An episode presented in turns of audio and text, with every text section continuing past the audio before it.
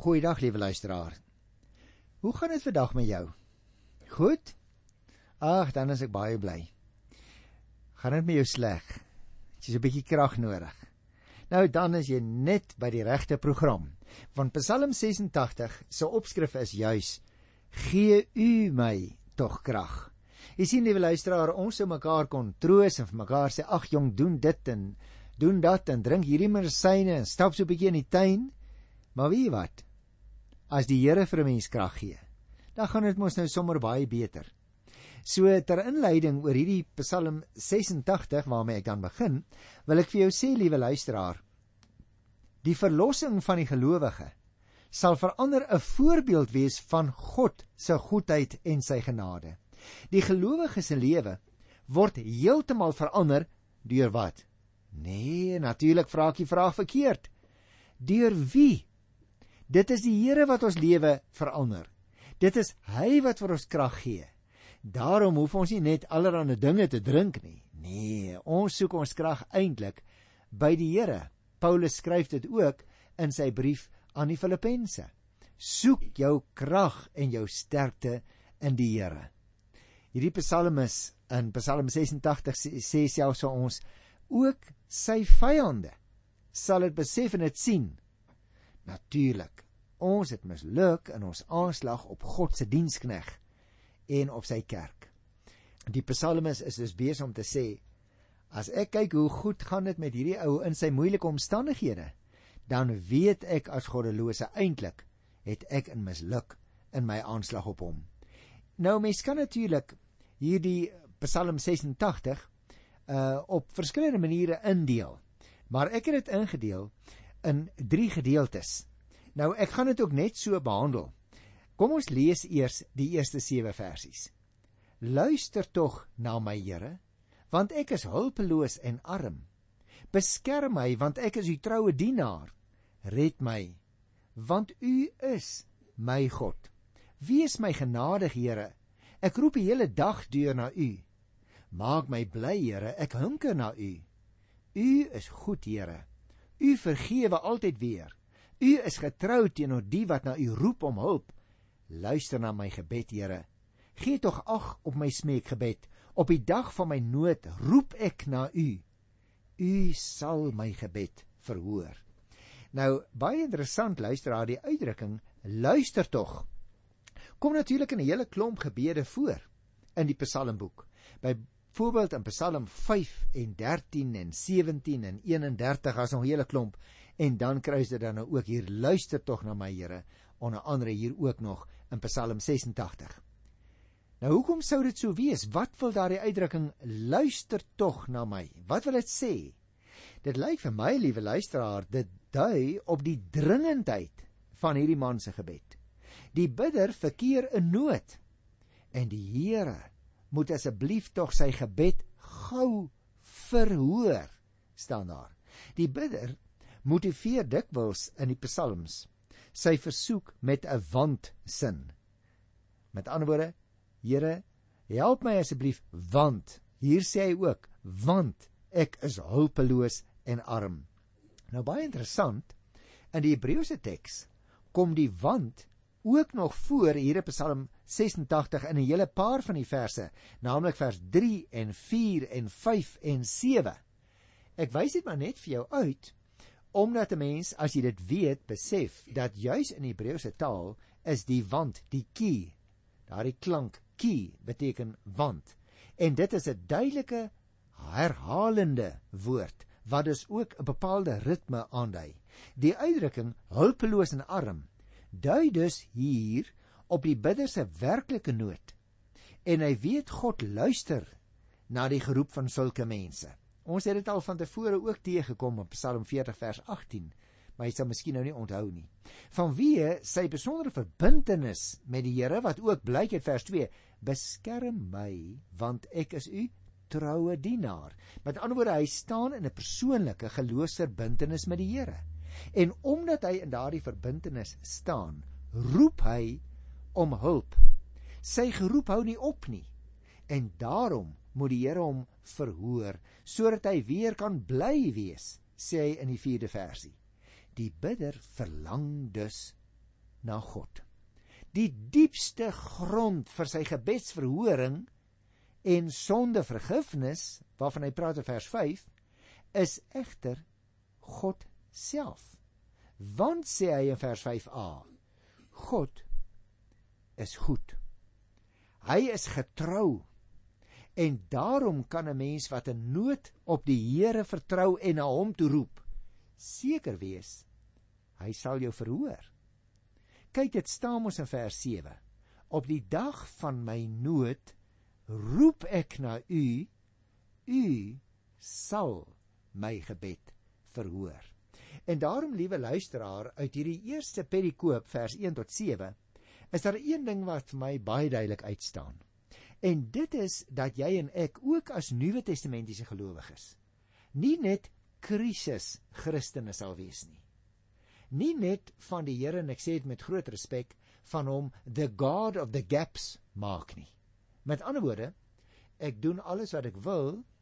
Ek reël al my sake en daar op sigself natuurlik niks meer verkeerd nie. Ek los al my probleme self op. Maar wanneer daar nou 'n probleem is wat ek nie weet hoe nie, dan wil ek as dit ware die Here net gebruik as 'n brug van hierdie gaping wat dan nou skielik hier voor my in die aarde oopgaan. En liewe luisteraar, dan getuig dit nie van die atmosfeer waarvan die digter in Psalm 86 praat nie. Want by hom is dit baie duidelik daar is 'n verhouding, 'n deurlopende verhouding tussen hom en die Here. Dit bring ons dan by die tweede perikopie in Psalm 86, naamlik vers 8 tot by vers 10. En jy moet oplet dat hy besig is om te sê daar's eintlik geen ander god nie. Kom ek lees dit. Daar is geen ander god soos U nie, Here. Niks kan met U werk vergelyk word nie. U het al die nasies gemaak, hulle sal vir U kom buig, Here, en aan U naam die eer gee, want U is groot en doen magtige dade. U alleen is God. Dit is dus belangrik dat as ons na hierdie perikoopie kyk, dat ons moet besef daar is werklik geen ander god behalwe die Here nie. Hy is die skepper en daarom sal die aarde hom dien. Die bidder kan dus met vertroue tot die Here bid. As ek daardie perikoopie verder lees, hierso by vers 11 tot 13, luister wat sê hy: Leer my u pad, Here. Ek wil wandel in die waarheid. Leer my u dien met toewyding. Met my hele hart sal ek u prys, Here my God, u naam altyd eer. Want u liefde vir my was groot, uit die dieptes van die dood het u my gered. Dit is dus vir ons baie duidelik uit daardie verse hier in die tweede perikoop dat in die verlede het die Here alreeds hierdie bidder gered uit doodsgevare omdat die Here hom liefhet, nie omdat hy so 'n goeie ou is nie. Om die rede wil die bidder dan nou ook by hernuwing aan die Here vashou. Dit beteken liewe luisteraar, hy wil aan God die eer toebring wanneer hy sê ek sal u prys Here my God. En dit bring my by die derde perikopie van Psalm 86. Kom ons lees dit eers en dan praat ons weer 'n keer daaroor. Hy sê: Dit is hoofvaardige mense wat my aanval, o God, 'n bende geweldenaars wat my wil doodmaak. Mense wat met U nie rekening hou nie. U Here is 'n barmhartige en genadige God, lankmoedig, vol liefde en trou. sien my, U dienaar van my geboorte af in genade aan. Gee U my tog krag en red my. Maak my 'n voorbeeld van die goedheid sodat die wat my haat verleë sal moet toesien dat u die Here my help en vir my uitkoms gee. Ag, is dit nie 'n wonderlike psalm nie? Ek gaan nou nou terugkom nog 'n keer na vers 15, maar ek wil net eers die derde perikoop van Psalm 86 vers 14 tot 17 met jou so 'n bietjie bespreek. Jy sien die vyande wat hier genoem word. Die vyande is wrede en harde mense. Hulle haat die bidder volgens vers 14 en 17. Hulle is goddeloos want hulle hou nie met God en met sy wil en sy eise vir die mens rekening nie. Die gelowige bid nou egter nog altyd tot die Here. Hy is immers lankmoedig. Hy is vol liefde, vol trou. Die jy sien, die verlossing van die bidder sal juis verander 'n aanduiding van God se goedheid en van sy genade wees. En daarom luisteraar, is dit eintlik moeilik om te bepaal op watter spesifieke situasie hierdie Psalm presies dui. Die digter is duidelik arm en behoeftig volgens die eerste vers. Hy verkeer in nood volgens die 7de vers. Sy toestand is haglik volgens die 3de vers. Moontlik is dit veroorsaak deur sy eie sonde. As ek nou weer na vers 5 kyk, né? En deur die optrede van sy vyande veral in Psalm 14 vers 14 en vers 17. Sy verlossing, sê hy, sou egter vir die ander en vir al sy vyande 'n baie goeie aanduiding wees van God se goedheid en genade. God verander immers 'n mens se lewe luisteraars, sodat ook jou en my lewe vir ons teestanders sal kan dien as 'n bewys. As ons aan hierdie ou skade wil doen, ons het misluk in ons aanslag op wie? Op God se dienaar. En daarom bly hierdie bidder by die Here. Ek het gesê ek wil net vir 'n oomblik hier voor ek met hierdie Psalm afsluit, weer terugkom na Psalm 86 vers 15. Luister mooi. U Here is 'n barmhartige en genadige God, lankmoedig, vol liefde en trou. Wat is hierdie man dus besig om te maak? Hy kyk so vir 'n oomblik van sy moeilike omstandighede af weg. Hy kyk na die Here toe. Hy staan voor die Here en laat sy oog vol word van die Here en dan doen hy hierdie belydenis. U Here is 'n barmhartige en genadige God, lankmoedig, vol liefde en trou. Liewe luisteraar, ek het net nou vir jou gevra, hoe gaan dit met jou? Wat is jou omstandighede? En wie jy nou leer Psalm 86 se bidder my om te sê, kom ek kyk weg van my omstandighede af. Kom ek kyk 'n keertjie na die Here en ek bely hom. Ek trek hierdie Psalm 86 aan soos 'n jas as ek voor die Here staan en sê Here, U is 'n barmhartige en genadige God, lankmoedig, vol liefde en trou. Is dit nou nie waar van jou en van my ook as ons na ons eie lewe kyk, hoe ons die trou van die Here so duidelik kan sien nie. En daarom luisteraar wil ek graag ook nog Psalm 87 met jou bespreek. Psalm 87 is ook maar 'n relatiewe kort Psalm en net so 'n baie besondere Psalm en daarom wil ek eers vir jou so ter inleiding so bietjie agtergrond gee. Dit is ook een van die sogenaamde Sionsliedere. Kyk na die opskrif. Die Here het die stad Sion lief. En sien jy daar, dit is van die Koragiete, jy weet nou al Koragiete was eintlik tempelsangers en dit is 'n Psalm, 'n lied. Die Psalm is eintlik besonder moeilik om te verklaar. Luisteraars, al is Psalm 87 maar kort. Hoekom is dit moeilik om te verklaar? Omdat daar verskeie verklaringe en ook vertaalmoontlikhede uit die Hebreëse taal is hier by Psalm 87. Die deurlopende strekking, watter keuse ons ook al mag maak, is dat die Here vir Sion liefhet. Daarom val hy onder die sogenaamde Sions Psalms, soos byvoorbeeld Psalm 46 en 48 en uh, 76, 84 en dan hier Psalm 87 en dan nog ook twee wat oorbly 122 en 137. Dit is dus eintlik 'n egte Sionslied hierdie waarin Sion en die openbaring wat God daar gegee het nog reeds voor hierdie psalmes se lewe plaasgevind het. Dit is dus die betekenis van die hele wêreld wat besing word. Die vertaling bring juis hierdie sentrale waarheid duidelik na vore. Die Psalm is dus opgebou rondom die uitspraak van die Here in die 4de versie, laat ek dit net eers vir jou lees. Ek reken, dis die Here wat daar in die woord is. Ek reken onder die wat my ken, ook Nou dis baie belangrik. Ook die mense van Egipte en Babel, Filistia, Tyrus en Kus. Hulle het almal kinders van Sion geword. Jy sien liewe luisteraar, dit is dus nie net die Nuwe Testament wat dit leer nie. Maar ook die Ou Testament leer vir ons baie duidelik wie ook al uit watter taal en groep en volk in die Here begin glo, is 'n kind van die Here.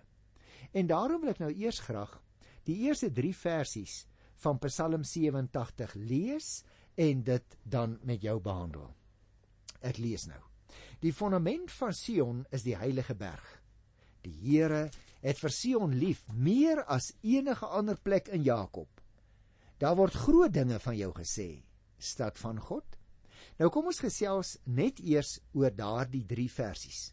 Want ons kry daar belangrike inligting wat ek nie graag wil laat glip nie. Jy sien, Ek het reeds vir jou gesê dat Psalm 87 in 'n sekere sin baie moeilik is om te verklaar.